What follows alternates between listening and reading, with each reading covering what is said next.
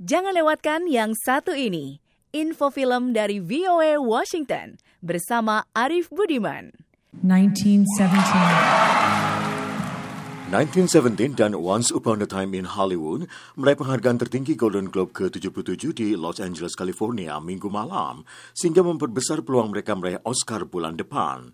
Film 1917 yang mengangkat kisah mengenai Perang Dunia Pertama, karya sutradara Inggris Sam Mendes, meraih penghargaan film terbaik untuk kategori drama.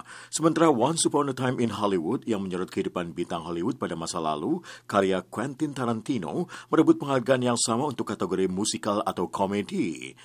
Mendes lewat film 1917 juga meraih penghargaan sebagai sutradara terbaik. Mendes berharap dengan kemenangan film ini, orang-orang akan tertarik menyaksikan filmnya di layar lebar. This is a huge thing for this movie. It opens in a week wide. It's difficult to make movies without big movie stars in the leads. And, and get people to come and see it in a cinema. And I really hope this means that people will turn up and see it on a big screen for which it was intended. Once Upon a Time in Hollywood juga membawa pulang penghargaan naskah asli terbaik dan aktor pendukung terbaik untuk Brad Pitt. You didn't see what I see, what I've been through. A friend of ours is having a little trouble. A friend at the top. Hi, Frank. This is Jimmy Hoffa. Glad to meet you. Dua film produksi Netflix yang sebelumnya banyak diunggulkan, The Irishman karya Martin Scorsese dan Marriage Story arahan Noah Bomba, masing-masing hanya membawa pulang satu penghargaan. Peran pendukung yang dibawakan Laura Dern sebagai pengacara perceraian di film Marriage Story memberinya penghargaan Golden Globe, mengalahkan aktris unggulan Jennifer Lopez sebagai penanda eksotis dalam film Hustlers. What's so funny? Freak!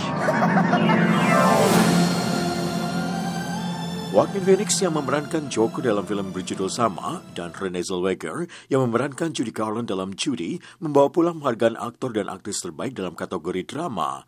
Darren Egerton lewat film Rocketman dan Aquafina lewat The Farewell mencatatkan diri sebagai aktor dan aktris pertama yang meraih penghargaan akting terbaik untuk kategori film komedi atau musikal. Demikian info film kali ini, saya Arif Budiman.